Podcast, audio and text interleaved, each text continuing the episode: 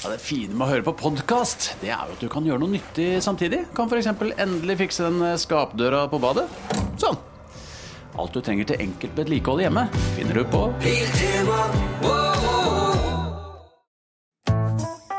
Har du et enkeltpersonforetak eller en liten bedrift? Ikke det? Nei. Nei, men da holder vi det enkelt og gir oss her. Fordi vi liker enkelt. Fiken superenkelt regnskap. I 1989 mistet 55 mennesker livet i norgeshistoriens verste flyulykke. Var det et av Forsvarets F-16-fly som forårsaket denne katastrofen? Produksjonsselskapet Tellus Works Television har i lang tid jobbet med å avdekke hva som virkelig skjedde, og i denne episoden forteller regissøren om hvordan de jobbet og hva de har funnet ut.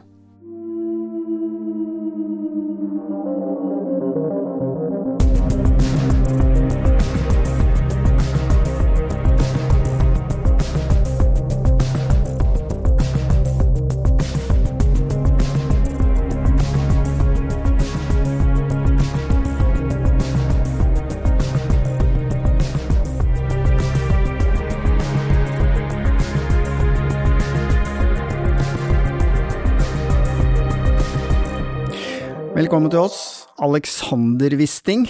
Morsomt navn du har, da. Wisting, er ikke det en sånn der krimhelt? Jo, det er, krim, det er krimhelt etter min oldefar Polfareren, så egentlig så eh, henger jo det litt sammen. Så det er nesten litt leit at krimhelten har blitt synonym med etternavnet vårt, og ikke Polfareren. Jeg blir jo selvfølgelig litt interessert når du sier min oldefar Polfareren, men vi får la det ligge. Alex, du har jo jobbet med en uh, TV-serie som kommer i morgen, faktisk, på Viaplay, om den såkalte partnerulykken som tok 55 menneskeliv. 55 gikk med, fem fra uh, crewet og partneren, altså flyselskapet, og 50 fra Wilhelmsen Lines i Oslo. Mm. Og dette, når var dette? Dette var 8. september 1989, så det er en stund siden. Uh, men det er vel regna som den største ulykken. Riktignok skjedde den i dansk luftterritorium, men det er den største flyulykken med nordmenn involvert, og norsk selskap, så vidt jeg vet. Men hvorfor lager du en dokumentar om en flyulykke som skjedde i 1989? Ja, altså Vi mener jo dette fortsatt er en av de store mysteriene som ikke egentlig er avklart. Altså Det er jo ofte sånn når ting får en slags løsning, som denne ulykken gjorde gjennom en rapport fra en havarikommisjon, så ble det egentlig litt stille om dette her. Men vi mener at her finnes det såpass mye uavklart, såpass mye som kan gås bedre gjennom.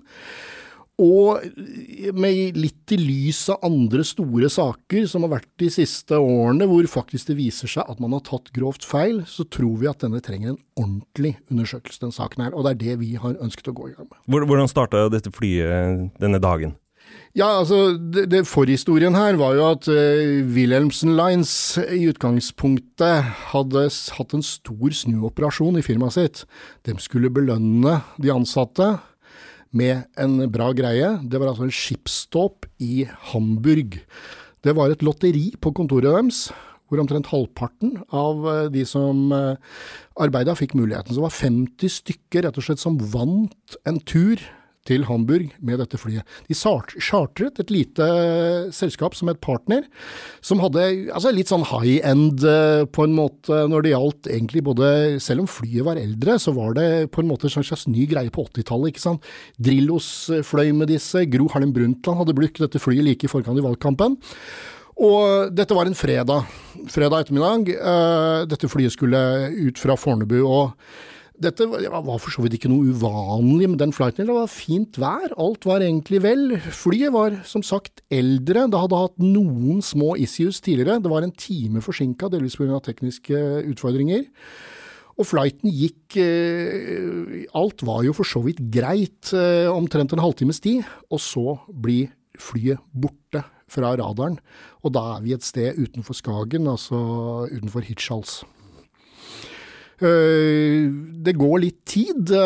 Man vet egentlig ikke altså Det er ikke noe mayday, det er ingenting fra flyet. Og i Oslo-kontroll og på de danske luftstasjonene så går det litt tid egentlig før man begynner å etterlyse flyet. Det går vel over en time. Og så begynner man å innse at noe kan ha skjedd. Og da går jo selvfølgelig alarmen overalt. Og etter hvert så observerer de vrakdeler eh, i sjøen. Og det er på relativt dypt vann dette her, men det flyter vrakdeler i sjøen. Og da selvfølgelig kommer jo redningsmannskapene ut fra Hirtshals, i tillegg til at det finnes to tyske fregatter med unge kadetter om bord som har vært på en øvelse, som begynner å finne ting i havet. Så det er egentlig sånn det starter, og da er vi utpå ettermiddagen fredag 8.9.1989. Mm. Men hva var det Havarikommisjonen konkluderte med, da? Nei, etter hvert, og det tok jo røftlig eh, to år, to og et halvt år før Havarikommisjonen kom med en konklusjon. Og eh, da konkluderte dem at flyet eh, hadde rett og slett falt fra hverandre i luften pga. det de kalte falske deler, eller bogus part, som ble den store snakkisen i flymiljøet på det tidspunktet. Vil si at det, i dette tilfellet var det noen bolter i halefinnen som ikke hadde riktig herding. Og de hadde da skulle ha bøyd seg, slik at det oppnådde Det ble en slags fløtter, altså vibrasjoner i flyet, som til slutt eh, rista det fra hverandre på et vis. Og det, da knakk jo halepartiet sammen, rett og slett, etter hvert. Det var Havarikommisjonens konklusjon sånn røftlig. Den var veldig detaljert, men, eh, og det var mer enn det, men det er hovedtrekkene. Men dette mente jeg at skulle ha skjedd av seg selv at, at pga. noen uoriginale deler så skal flyet bare ha gått i oppløsning? Ja, altså, det, det, det, er veldig nøye med å påpeke at det ikke fantes noen ytre årsaker. Uh, og det er Havarikommisjonen skriver det helt spesifikt, at det ikke finnes noen ytre årsaker her. Her var det bare en indre feil som gjorde at dette flyet ja. rett, stort sett gikk i oppløsning. Men, men, det her med falske deler på et fly, hvor omfattende var det på den tida? Ja, det var jo noe som man snakka mye om, spesielt i USA. Og dette hadde jo med både forsikringer å gjøre, det hadde med regler for hvordan du drev flyselskap. Og det ble jo sagt at mafiaen i Italia hadde hangarer hvor de produserte falske deler som så ekte ut, men ikke hadde de spesifikasjonene og kravene de skulle gjøre, uh, og dermed var livsfarlige. Nå hadde man egentlig ikke klart å påvise noen ulykke hvor det hadde vært falske deler i spill. Men når da den norske havarikommisjonen, eh, eller Havarikommisjonen for sivil luftfart som det het den gangen, eh, konkluderte med dette, så ble det på en måte en verdenssensasjon. Altså spesielt i USA var dette viktig. Så kan man jo si at det, det var viktig. Og det var en bra oppdagelse, og antagelig kan den oppdagelsen, eller den måten det ble kjent på, ha reddet liv senere. Eh, spørsmålet er jo bare, egentlig, om det var det som virkelig skjedde. Ja. Hva tror du? Nei, altså Vi har jo operert rundt flere andre muligheter. Vi har gått gjennom Havarikommisjonens rapport veldig nøye. og dette, dette, er stort og omfattende, og det er klart at det er enda mer enn det man kan klare i en produksjon over noen år å gå gjennom. Men det er klart at det her Man har vel egentlig gjort en undersøkelse hvor eh, alt fra lodotter til måkefjær er undersøkt veldig nøye. Eh, men når det gjelder selve det som går på disse boltene, så er det en del uklare ting. Altså det, blant annet så synes det som om verdiene på slarket som de første rapportene kommer opp med, øker underveis i Havarikommisjonens behandling. Altså det er en god del uoverensstemmelser i eh, det materialet som finnes der, som jeg tror det er virkelig verdt å se videre på. Og så er det noe med at hvis dette flyet hadde vibrert på den måten, hvorfor er over 15 av passasjerene uten sikkerhetsbelte? Dette var erfarne flyvere. Hvorfor er det ikke noe mayday? Eh, det er mange åpne spørsmål her. og samtlige piloter vi har snakket med, sier jo et fly ramler ganske enkelt bare ikke ut av luften. I de tilfellene hvor eh, et fly da opplever, eller en pilot oppdager at det er noe galt, så vil han jo gi beskjed til de som sitter i flyet og ta på sikkerhetsbeltene. Men, men, her fant man også 15 stykk som ikke hadde på seg sikkerhetsbelte? Ja, det er jo det, det rapporten sier rett på obduksjoner og sånn sier. Um, det er veldig lav terskel og det var det den gangen òg, for at folk skal måtte ta på seg sikkerhetsbelte. Og det er klart at det, det, virker merkelig at de vibrasjonene skal egentlig ha pågått helt fra flyet gikk fra Oslo, og man ikke gjorde noen ting med det. Uh, så, så det, er, det, er, mange praktiske ting rundt det som sikkert Og det finnes sikkert muligheter til å si at det kan uh, være naturlig. Men de fleste vi har snakket med, og de som har sett på ulykken nå, de opplever nok at den ikke henger helt på greip. Nå kan du si at det, det er jo det med den konklusjonen, var at alle trodde på den konklusjonen. De et, etterlatte kjøpte den konklusjonen fordi at det var en grundig rapport. Altså, Rapporten er kjempegrundig, selv om han sikkert har sine svakheter. Uh, og de, dilemmaet med det, når den var presentert på den måten, var at de kritiske røstene kom ikke egentlig til orde etterpå i det hele tatt. Det gikk veldig lang tid før man begynte å gå kritisk inn i det. Det som også er jo litt av problemet, er jo utelatelsen av andre muligheter, og hvordan rapporten er formulert. Eh, så det er ganske mange faktorer ved den rapporten som definitivt eh, kan være verdt å, stille spørsmål om. I dag har man en annen teknologi for og muligheter til å undersøke ting eh, bedre enn det man hadde da. Så det er klart at en ny runde vil ganske sikkert kunne gi andre svar. Men jeg bare lurer på en ting, for om bord i alle som flyr, så er det såkalt eh, black box, er det ikke det man kaller det? En sånn boks som skal uh, ta opp all kommunikasjon og alt mulig, og som skal tåle en flystyrt. Hva sa denne boksen, da? Nei, det, det, du kan si Den informasjonen man klarte å få ut av flyet, er jo ikke noe som går på det som pilotene samtaler og sånn. Der finnes det ingenting, uh, så vidt jeg vet. Uh, så, så, ikke på noe som helst tidspunkt så sier liksom piloten at uh, shit, nå er det et land som ikke stemmer her, liksom? Nei, ikke som er mm. kjent, i hvert fall ikke som finnes tilgjengelig. Var det ikke sånn at det hadde vært noe feil med den svarte boksen? Det skal foreligge noen opptak mellom disse pilotene før takeoff? Og det er riktig, fordi at det fins opptak før takeoff, og så slutter den bare på et eller annet tidspunkt å, å, fungere. Det som man har av dokumentasjon, er jo måling av vibrasjoner i flyet. Eh, og, og, der strides jo ekspertene om de vibrasjonene er, eh, er sånn sett eh, alvorlige eller naturlige, da. Dette er veldig teknisk, men det har en del med svingninger gjennom kalibrering av motorer og hele greia her, som gjør at man kan lese det på ulike måter. Men selve boksen ga ingenting den gangen, for det er riktig. Den var på en måte Den eneste samtalen som fins, det er vel egentlig før takeoff. Ja, for den svarte boksen, den tar opp kontinuerlig? Ja, den skal jo det. Ja, og, og, fortsette å ta opp etter en ulykke. Mm. Så man må jo bare komme seg fort som man klarer da, til denne boksen og få stoppa mm. og, de lett, og de lette jo etter alt dette her. Ja. Uh, og de fant jo ting, men opplysningene var jo som sagt uh, veldig sparsommelige, interessante for selve ulykkesforløpet. Så en feil, da? Ja, det er en feil. Altså Flyet ja. hadde noen tekniske issues. Det var jo en grunn til at man brukte en såkalt hjelpemotor, altså en APU, som også skal sies uh, Havarikommisjonen mener var med å løsne her. Så det var, og det var noen dør som gikk ikke kan lokke helt, var, men alt dette var egentlig detaljer. Dette er fokusert ganske mye på Havarikommisjonens rapport, disse småtingene, men det var ting som egentlig var helt eh, relevante eh, å få fiksa, og det var ikke noe problem knyttet til denne ferden rundt det, så vidt vi kan se. Det som var med dette flyet, og som Havarikommisjonen påpeker, er jo at det var et fly fra 1953. Det var ombygd i var vel 86.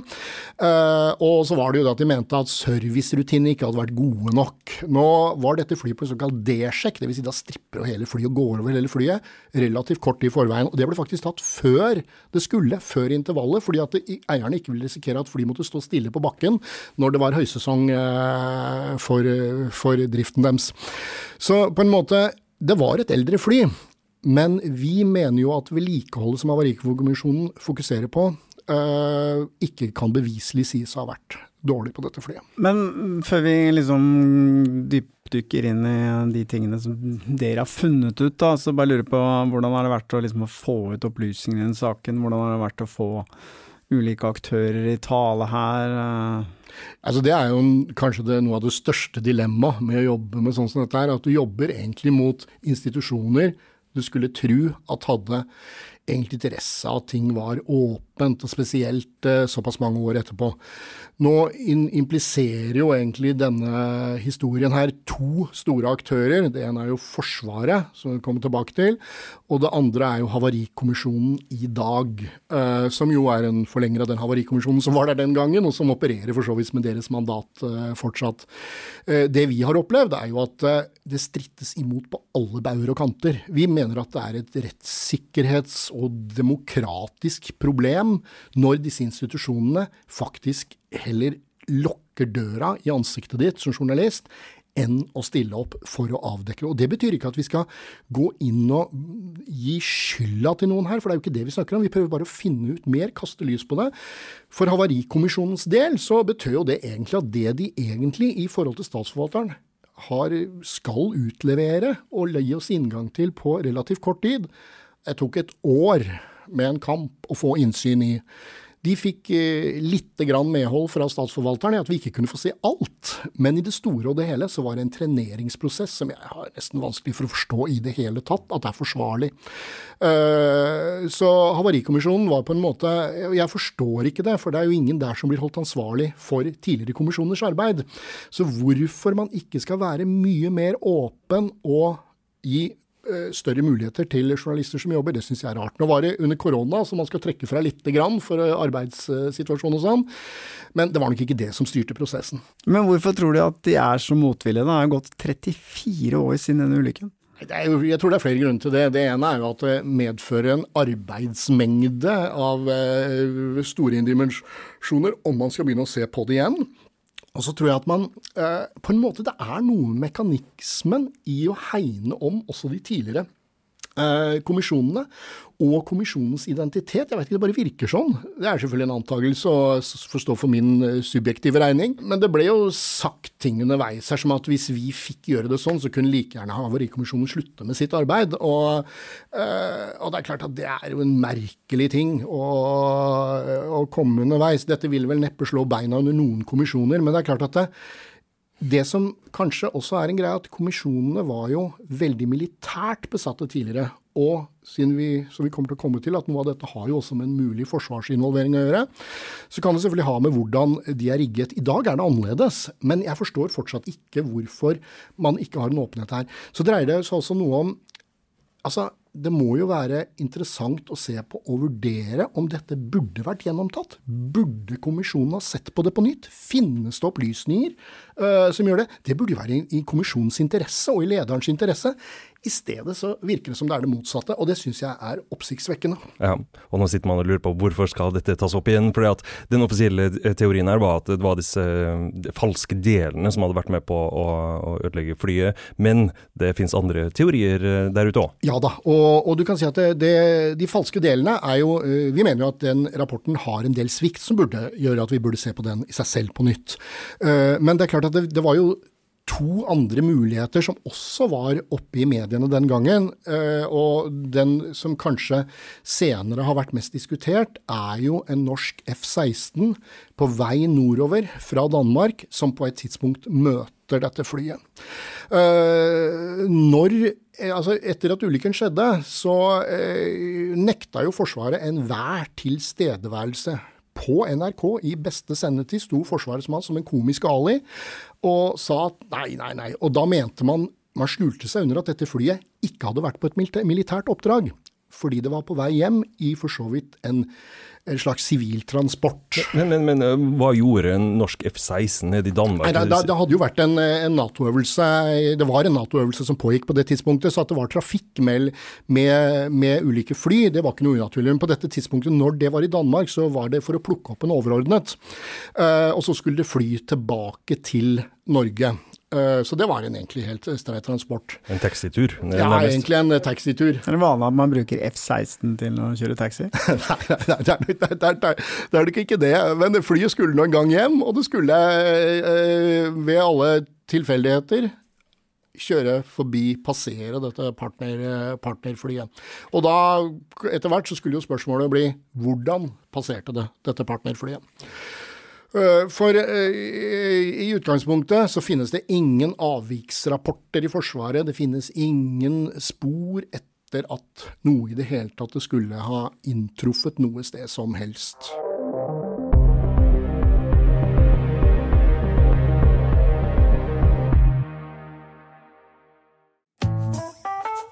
Har du et enkeltpersonforetak eller en liten bedrift? Da er du sikkert lei av å høre meg snakke om hvor enkelt det er å sende faktura med fiken. Så vi gir oss her, fordi vi liker enkelt. Fiken superenkelt regnskap. Prøv gratis på fiken.no.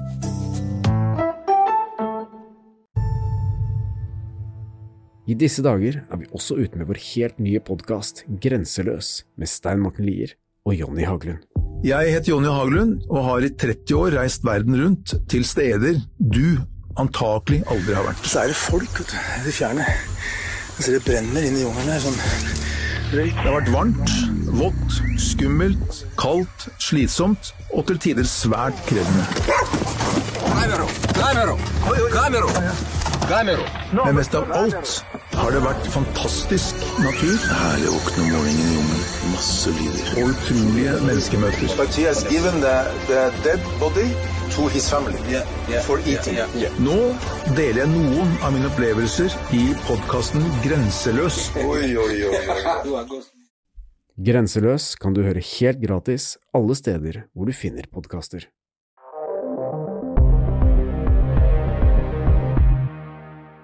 Det som skjedde litt i etterkant av dette her, var at eh, pressen var på at det hadde vært en F-16 her oppe, for dette fikk man eh, nyss i. Og for så vidt presset pressen på en måte Forsvaret til å innrømme at man hadde vært i luftrommet til syvende og sist. Eh, det som, Når Havarikommisjonen da var inne i alt dette, så hadde de også disse opplysningene tilgjengelig. Men det mest oppsiktsvekkende var jo at på et tidspunkt så møter denne F-16 et partnerflyet, hvorpå piloten bryter alle kutymer, sier på norsk, så de andre passerende fly ikke høre det. Hva var den airlineren jeg fikk midt på trynet? Ja, og, og det, dette er piloten av F-16-flyet som Det sier er den norske piloten av F-16-flyet. Ja. Så det må ha vært et møte. Uh, og dette hørte man på Oslo Kontroll, der hvor man etter hvert skulle sitte og lure på hvor i all verden dette partnerflyet var blitt av. Det var heller ingen der som eh, kobla de to tingene på hverandre. Så på en måte så er det et møte. Og dette ble tatt opptak av. Og denne tapen finnes det jo ikke spor av i eh, Havarikommisjonens rapport. Der snakker man om en F-16 som kunne ha skutt ned et uh, partnerfly. Og Ja, det så- var jo selvfølgelig bare tull. Som en del av øvelsen, Ja, et, et som skudd som denne- gikk feil. Ja, og nå var jo ikke denne på øvelsen heller, og et sånt fly kan ikke være armert på den måten. Det som er eh, teorien her, da er jo i, fordi at det finnes et radarplott, det finnes mange radarplott, og man strides om hvilke radarplott som i for så vidt er viktige, men på et tidspunkt, ca. syv minutter før partnerflyet faller ned, så er disse flyene i forhold til et radarplott på samme høyde. Da har jageren gått ned fra 24 til 22 000 fot, og et intervall på 24 sekunder så befinner de seg i nærheten av hverandre. Det betyr i så fall at jageren har gjort en dipp ned, plutselig fått et fly foran seg, sett dette fly, og så banka flyet opp igjen i, i 24 000 fot, 2000 fot opp, og da bryter lyd, lydmuren. Uh, og det er jo sånn at uh, i Danmark så var det vitneobservasjoner som meldte om et lydmursbrak helt spesifikt. Uh, Dette kom heller ikke med på den måten i Havarikommisjonens rapport. Så på en måte så bortså man i veldig stor grad fra dette jagerflyet, eh, på en, etter min mening i hvert fall, på en liten, det var suspekt kanskje at man ikke gikk tettere inn på det. Vi har jo også funnet dokumenter der hvor undersøkelsen, altså de som leder undersøkelsen, snakker med mm, pilot og han som var baksetepassasjer, hvor han definerer avstanden i et håndskrevet notat til å være ned mot 150 meter unna hverandre. Det er noe helt annet enn de rapportene etterpå som sier at det er eh, opp mot 2000 fot unna hverandre, og enda mer. Så på en måte så er det liksom Det, det var veldig mye som blei borte, føles det, når man leser den rapporten. Man fokuserte heller på hele andre ting. Man fokuserte veldig på at det var et dårlig flyselskap, dårlig økonomi, og så så man bort fra Forsvarets rolle. Så det var én av de teoriene som delvis ble lansert den gangen, men som man også har forska videre på. Det som har vært viktig for oss, er å finne ut kunne det vært mulig å at dette skjedde. Og vi sitter jo langt fra og peker på at dette var noe villet handling fra noen. Dette, Antagelig så har dette flyet passert bakover. Man har jo ikke ant hva som har skjedd, for de var jo praktisk talt på Rygge før partnerflyet ramla ned. Ja, ikke sant, for Og det, det hvordan går så kunne fort. det skje? Det er jo et jævla mysterium! Men, men la oss si, si da at dette F-16-flyet har vært 150 meter eh, fra dette eh, partnerflyet. Så, men hva, hvordan fungerer det med disse kreftene som er i et F-16? Vi hører om disse MAC-begrepene som er sånn vanskelig å, å forstå, men uh, man har jo sett bilder av de som sitter i F-16-fly og, og, og hører om eh, nærmeste innvoller som blir vrengt. Hvordan påvirker det området rundt et sånn F-16-fly? Ja, det, jo, det, det kom jo i etterkant, denne trykkbølgen. Eh, nå, ut fra radarmålingene, så er det ganske sikkert at dette flyet har ligget rundt den Mach. Havarikommisjonen opererte med ganske mye lavere verdier. Ja, og makt, det er lydens hastighet. Ja, det er lydens hastighet. Det er da du bryter lydmunnen, det er da det smellet kommer, det er da trykkbølgen kommer bak. Denne trykkbølgen bør ikke være et problem for et moderne fly, nødvendigvis. Men det er klart, er du nær nok, kommer an på vinkelen, hvordan det treffer. Og vi har gjort undersøkelser her, og det er klart at det er ingen tvil om hvis du har et eldre fly med komponenter på slutten av sitt livstid, som har vært noe av de beregningsgrunnlaget også, så kan dette i stor grad påvirke det flyet. Og Det betyr ikke at det ramler ned med en gang, men det betyr at det på samme måte som Havarikommisjonen også mener at kan, de falske delene har bidratt til denne vibrasjonen, så kan dette også ha vært med til å gi noe av det samme forløpet inn i sluttprosessen for dette flyet. Så det vi mener er at det går jaggu meg ikke an å utelukke dette her. Og da syns vi det er også rart at Forsvaret, når vi i dag konfronterer Forsvaret med det, så er det tross for masse utsagn om åpenhet, så sier altså de på kamera men vi gjør et unntak for denne saken. Og det er rett etter forsvarssjefen har proklamert sin nye åpenhetsgreie. Og så kan du si at eh, Forsvaret jo, spill, spiller jo veldig på at eh, hvis du er pilot, og dette sier jo en av testpilotene deres, hvis du er pilot, da er du oppdratt til å være så ærlig at du blir ikke ansatt hvis du ikke er ærlig. Ikke er et bedre menneske enn oss andre. Derfor kan ikke vi på noe vis har vært delaktig i dette her. Vi prøvde jo å undersøke en del av disse mm, i simulator, blant annet, og det er jo nesten en litt artig historie. Vi, og det er jo ikke så lett med simulatorer som er konfigurert brukbart riktig for en F-16 fra den gangen. Og flymuseene, Forsvarets flymuseer er blant de som har det. Det morsomme var jo at når vi forsøkte disse tingene, så ble vi faktisk etter hvert stoppa av ledelsen i Bodø. De tok da kontakt med vedkommende som skulle utføre det riktige. Eh, vi prøvde først, eh, først en del bare av prosjektet, og etterpå prøvde vi det. En militært ansatt eh, som skulle gjøre det. Og da ble faktisk prosjektet stoppa. Og det, Jeg sier ikke at dette var ikke noe som hadde med forsvarssjefen å gjøre, men det, jo, det, må jo ha vært et system hvor på en måte Hvorfor er dette farlig å prøve nå? Hvorfor er det et problem at vi tester det på alle muligheter? Kunne man ikke bare være åpen med det også? i Forsvaret. Jeg mener Man trenger jaggu meg en åpenhetskultur i det Men, systemet. Fikk dere noen begrunnelse for hvorfor dette ble stoppa? Nei, begrunnelse bare at sånn skulle ikke Forsvaret bruke penger på. Som om de brukte penger på det. Uh, det var da ja. Men du kan si dilemmaet hele veien er jo at før man startet egentlig prosessen med å si ja da, du, dere kan snakke med oss når vi kontakta dem. Neste omgang så var det at nei, vi har sett nærmere på, og dette her kan ikke vi snakke om. Uh, og så på spørsmål hvorfor ikke, nei, da må jeg spørre dere. Hvorfor vil dere undersøke dette her? Og det ser vi jo i dokumentaren, altså dette svares jo på kamera. Det, det, det jeg syns er oppsiktsvekkende, er at man på en måte legger såpass mye kjepper i hjula for en, eh, en, undersøkelse 34 år etter noe skjedde, som ikke er ute etter på noe vis legge skylda på noen enkeltpersoner, men rett og slett prøve mer åpent og ærlig å avdekke hva som skjedde, og kanskje skape grunnlag for en gjenopptakelse av saken, så de etterlatte oss får et bedre svar. Denne serien handler jo om noe mer enn teknisk svikt og eventuelle forsøk på å holde sannheten skjult. Det, det dreier seg om en rekke menneskeskjebner her, og det er veldig mange som er berørt av den ulykka. Ja, Vi, vi syns jo det er veldig viktig, akkurat det. At det er, det er en sterk og en stor og viktig emosjonell side ved dette her. Altså dette var jo en, jeg, jeg, jeg er ikke sikker på om det hadde vært så mange ulykker før, men her blir jo minnestunden direktesendt fra Domkirka i Oslo. Gro Harlem Brundtland gråt fra talerstolen. Kongen satt der, ei lita jente, datteren til en av de som hadde gått med, gikk bort til kongen. Altså, det var en stor, rørende stund. Og det er klart at for de etterlatte den gangen, som jo for så vidt Altså, de fikk jo noen svar. Eh, de fikk jo flesteparten kjøpte det svaret som var, men det er klart at dette var et traume for mange. Det er jo hundrevis av folk som mistet en av sine nærmeste og sine kjære nesten med en slags forferdelig tilfeldighet. Altså, du vant et lotteri, og så eh, Og, noen, og på toppen av alt, noen hadde jo bytta bort billetten sin til andre. altså Du kan jo tenke deg hva som deres følelse var etterpå. Det som også var interessant med saken, var jo at Wilhelms Rederi gjorde jo en altså det, er vel første gang man en krisehåndtering. Det ble på en måte laga et opplegg rundt krisehåndtering som var helt utrolig. Altså De var så gode på å få til ting med de etterlatte. Så der hadde man jo all ære av det. Så hvis du kan si at det, eh, det, Vi bruker jo en del tid på, i serien på nettopp å møte de etterlatte her, og de som i dag har villet snakke. Men det er ganske mange som ikke har villet snakke tidligere, altså. For det som er spesielt her, er jo at alle de som var om bord i flyet, hadde en tilknytning til Wilhelmsen-rederiet og kjente hverandre. Ja, det, det, må jo ha vært en forferdelig situasjon. Og, og du blir, får jo, halve firmaet ditt blir borte. Deler av ledelsen blir borte. Eh, og det er jo klart at det er noe som du aldri egentlig kan reparere. Men eh, som sagt, det klarte Wilhelmsen på en helt unik måte. Det var jo både skipsrederne og spesielt en informasjonssjef som het Bangsmoen der, som gjorde en helt utrolig jobb. Og det er nesten så jeg blir rørt når jeg sitter og ser de opptakene og hvordan de håndterer det den gangen.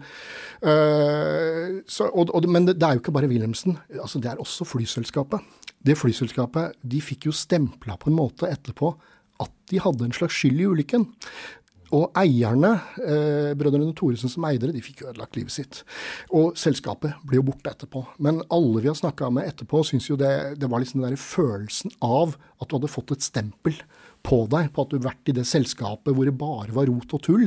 Noe som ikke medførte riktighet, slik som Havarikommisjonen beskrev det. Så det er jo en sterk historie om mennesker, tenker jeg, i like stor grad. Og det drives helt inn egentlig i rettsprosessene, som også pågår helt ut på 2000-tallet. Uh, og, det er altså når jeg tenker, når jeg, når jeg hører Havarikommisjonen og Forsvaret, når vi møter dem når vi er ute, uh, at man ikke tenker mer på at det, kan vi ikke være så snille å åpne opp for å gi disse menneskene et så reelt svar som mulig, da? Og jeg veit det er vondt at saken tas opp for mange av dem, og mange har jo sikkert ikke ønsket det, for man har slått seg til ro med det. Men jeg håper uansett at det på en måte det skal allikevel Vi skal komme ett steg videre til å få belyst hva som virkelig skjedde. Men hvordan liksom reagerte pårørende når dere kommer trekkende med at det kanskje er en annen årsak til ulykken? De, det er veldig mange som eh, ikke har enten reagert i det hele tatt, eller reagert på en måte at de ikke, vil, eh, ikke ønsker å stille opp. De er på en måte ferdig med det, de har forsont seg med det. Eh, og så er det vært noen som har syntes det har vært ganske viktig, som har hatt utrolig sterke historier. Mister moren sin, faren sin, eh, kona til teknikeren som var med, var med flyet. Altså, og de har jo syntes det har vært viktig at eh, vi får dette opp. Og de deltar eh, og forteller veldig sterkt om det som skjedde. Og det er klart, når vi legger fram de åpningene for en del av de andre mulighetene her, så blir det jo nesten så blir det jo på en måte, De syns det er sterkt å høre det, og de kan jo bli sinte til og med over akkurat det at hvorfor har ikke dette her i større grad blitt undersøkt og kommet fram, og hvorfor åpner man ikke opp nå? Så reaksjonen har jo vært Den er, kan du si, blandet, men de som har stilt opp, tror jeg har følt at uh, man kommer en vei her, altså. Det tror jeg. Men disse brødrene som eide selskapet, lever de i dag, eller? Ja, de lever i dag. De er jo, eh, de, de er, er, godt voksne. Han ene er relativt syk, men eh, og, og, han sier jo Det er ikke så mye han sier i serien, for så vidt, men det han sier er jo at livet ble jo ødelagt. Det stoppa opp der. Du ser det hjemme hos den. Det er som å gå inn i 1989. 8.9. så stoppa livet. Og hvordan påvirkninga var for barna og, og, sånn også, hvordan de på en måte ble stempla. Og Norge var jo altså Norge var et atskillig mindre land i 1989 enn nå, føles det som. Og det er klart at denne eh, Når du fikk hengende på deg at du hadde et fly som hadde vært så dårlig vedlikeholdt, hvor det var falske deler, så på en måte så Selv om de aldri sa direkte at det var deres skyld, så var det jo det som ble hengende, hengende over dem. Og de prøvde jo å kjempe mot dette på begynnelsen av 2000-tallet i en rettssak eh, til syvende og sist, hvor Forsvaret var involvert, hvor de ønsket å få belyst eh, Forsvarets rolle, men opplevde vel egentlig da at staten tok ganske sterke grep i forhold til virkemidler og makt for å sette deres eh, påstander ut av spill. Ja, hvordan da? Nei, det Rettssaken i 2003 er en ganske stor historie. Vi berører den i, eh, i, i serien til en viss grad. Men eh, da var det jo eh, spørsmålet hva hadde, vært, hva hadde egentlig skjedd? Fantes det noen muligheter for at NF-16 kunne ha påvirket noe? Det sies jo ting i retten fra Forsvaret som, og det er min helt subjektive oppfatning selvfølgelig, som må ha vært på grensen av å ikke snakke sant i, i retten. Det har med hvilke muligheter en F-16 har i løpet av disse 24 sekundene til å være uh, der det var. Det har med å påstå i en tid hvor altså, og det, det, er, det, holder å gå 20 år tilbake hvor du ikke kunne finne ut av allting like enkelt som i dag. At, eh, at begrensningene til dette flyet det var, kan ha vært omtrent som å fly en pappeske, uh, som vår journalist sa i, sa i intervjuet. Og sånn kan det ikke ha vært. Man lagde også rapporter hvor man hele tida satte premisset som at det var flere tusen fot unna hverandre, og da selvfølgelig ikke hadde vært noen mulighet. Vitnene, og det var jo to vernepliktige som hadde vært på radarstasjonen på Måkerø og sett, etter sin oppfatning, disse flyene møte hverandre i lufta. De opplevde seg som trakassert i retten. De opplevde som at de eh, ikke ble hørt. De ble, alt ble vridd og vendt på av det de sa, og følte at det var vanskelig. Ja, For de satt på Måkerø på en militærleir og så på en skjerm, på samme måte som de på Avinor sitter og helt observerer? Helt riktig, i 1989. Og deres utsagn var jo egentlig altså Det ble tatt helt fra hverandre, og nærmest de ble stempla som løgnere i retten, mer eller mindre. Og det var ikke noe tvil at uh, man skulle på en måte få vekk all troverdighet til de som vitnet for partnereierne. Dette gjaldt spesielt en svensk flyekspert som het Ingemar Lind, som hadde en ekspertise som vi ikke engang var i nærheten av å ha i Norge, tror jeg, på nettopp dette med fløtter og luft, og hvordan et fly oppfører seg i lufta når det får disse tingene. Han gikk jo fra å si at han trodde etter å ha lest rapporten at jageren kunne hatt sånn 60% med det å gjøre, til at han var 99 sikker da rettssaken gikk i gang. Problemet var at Ingmar Lind var kreftsyk, alvorlig kreftsyk, og døde av blodkreft ikke så veldig lenge etterpå. Eh, og advokaten som da hadde saken, opplevde jo altså en, det var som en antagelig må ha føltes, det er også min subjektive uh, vurdering av det, som en dampveivals som rulla over dem. De ble små i møte med en uh, statlig mastodont, hvor det ikke var noe gehør i det hele tatt for uh, det man la fram. Og vi mener jo etter å ha gått gjennom det som ble lagt fram den gangen i retten, at de må ha hatt en mye bedre sak enn det de til slutt endte opp uh, i dommen. da. Så Vi opplevde jo at den saken i 2003, og det opplevde jo partnerne, det var en sak hvor målet var å begrave denne saken for godt. Nå skulle den aldri mer opp og diskuteres. Og Det er litt det vi opplever når vi da snakker med Forsvaret i dag, Havarikommisjonen. Nei, dette ble jo avgjort i 2003. Dette er ikke noe vits i å snakke mer om. Så det er klart at det, saken har liksom på en måte blitt pressa inn i et spor som gjør at det på en måte den aldri har blitt belyst ordentlig. Først i Havarikommisjonen, og så i, i rettssaken etterpå. Det er jo for så vidt, Det eh, skal jo tas med her at eh, den ene rettssaken så var jo statsadvokaten helt tydelig på at Havarikommisjonen hadde rett. I en tidligere straffesak så var daværende statsadvokat sier til NRK at Havarikommisjonen ikke fant løsningen. Så man har jo valgt point of view her ut fra hva som passa, for da var det nemlig de etterlatte som gikk til sak mot staten eller Luftfartsverket for at flyet ikke skulle ha vært godkjent. Og da snudde man hele saken og sa at Havarikommisjonen hadde nok ikke funnet løsningen.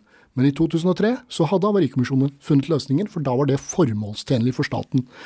Så jeg mener jo at partnersaken er et, et, kan du si, nesten et statlig overgrep eh, på linje med mange andre store eh, saker vi har hatt i det siste. Ja, så TV-dokumentaren 'Partner den glemte tragedien' har jo premiere på Viaplay i morgen. Um, jeg bare lurer på helt til slutt, Alex.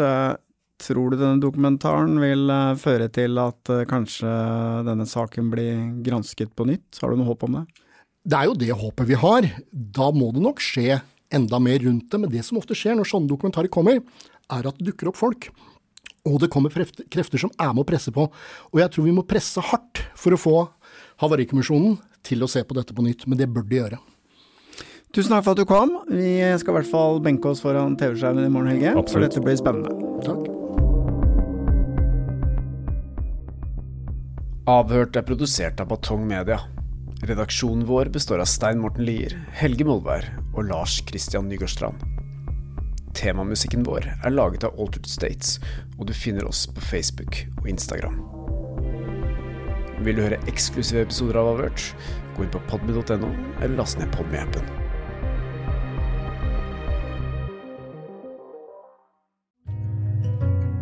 Hvis du setter pris på Avhørt og syns at den jobben vi gjør er viktig, så kan du støtte oss ved å vippse til 8075 99 eller søke opp Batong Media i vips appen Og vi setter stor pris på alle bidrag Store og små.